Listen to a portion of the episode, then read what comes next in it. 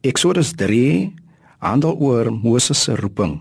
God kom en lê sy hand op die lewe van Moses. Moses se aandag word getrek na 'n bonatuurlike voorval. Dit wat hy hier in die woestyn sien, is buitengewoon. Hoe kan dit wees? As 'n woestynbewoner het dit nog nooit gebeur dat 'n bos brand en nie uitbrand nie. In elk geval, hout brand en dit brand uit. 'n Bos brand en dit brand uit.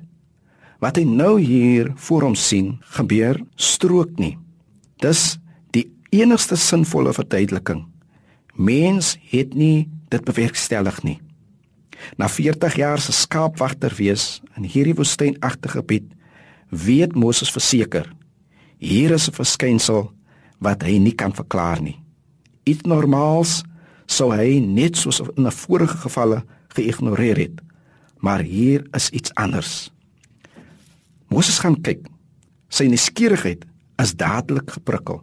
Sy aandag is getrek. Sy gedagtegang is aangegryp. Dit is op hom om te gaan ondersoek instel. Hiervan moet hy meer te wete kom. Vers 2 sê: Toe verskyn 'n engel van die Here aan Moses in 'n vlam binne in 'n doringbos. Terwyl hy kyk, sien hy dat die bos aan die brand is, maar nie uitbrand nie. Die stem uit die bos spreek met Moses. Ek is die God van jou voorvaders. Vers 7 sê: Ek het die ellende van my volk in Egipte duidelik gesien en hulle noodkrete gehoor. Ek het hulle lyding te harte geneem. Ek wil hulle uit die mag van die Egiptenaars verlos. Vers 10 sê: Hiervoor het ek jou nodig. Daarom stuur ek jou na Farao toe sodat my volk bevry kan word. Jy is leier en verlosser Moses. Jy is verteenwoordiger van my, die Almagtige. Terwyl hy luister, brand die bos onophoudelik. Geliefdes, God sien die ellende van sy volk raak en hy wil help. Hy wil uitkoms gee. En daarom stuur hy vir Moses. Moses word hier met 'n mengsel van krag en liefde oortuig om God se werk en God se wil te doen. Na langer redenasie gee hy in en maak hom gewillig. Dit is hier waar Moses se lewe die draai geneem het.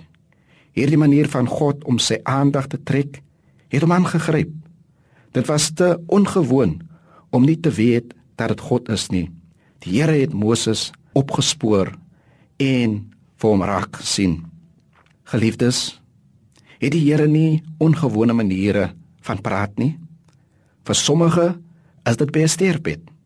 Vir ander is dit 'n ongeluk. Paulus noem dit so. Weet julle nie dat die goedheid van God julle tot bekering wil bring nie? Sommige moet die Here eers verarm of stroop. Ander moet God eers op 'n ander manier sy aandag trek. Dan is daar weer hulle wat by 'n geliefde se sterfwet besef, God het my nodig.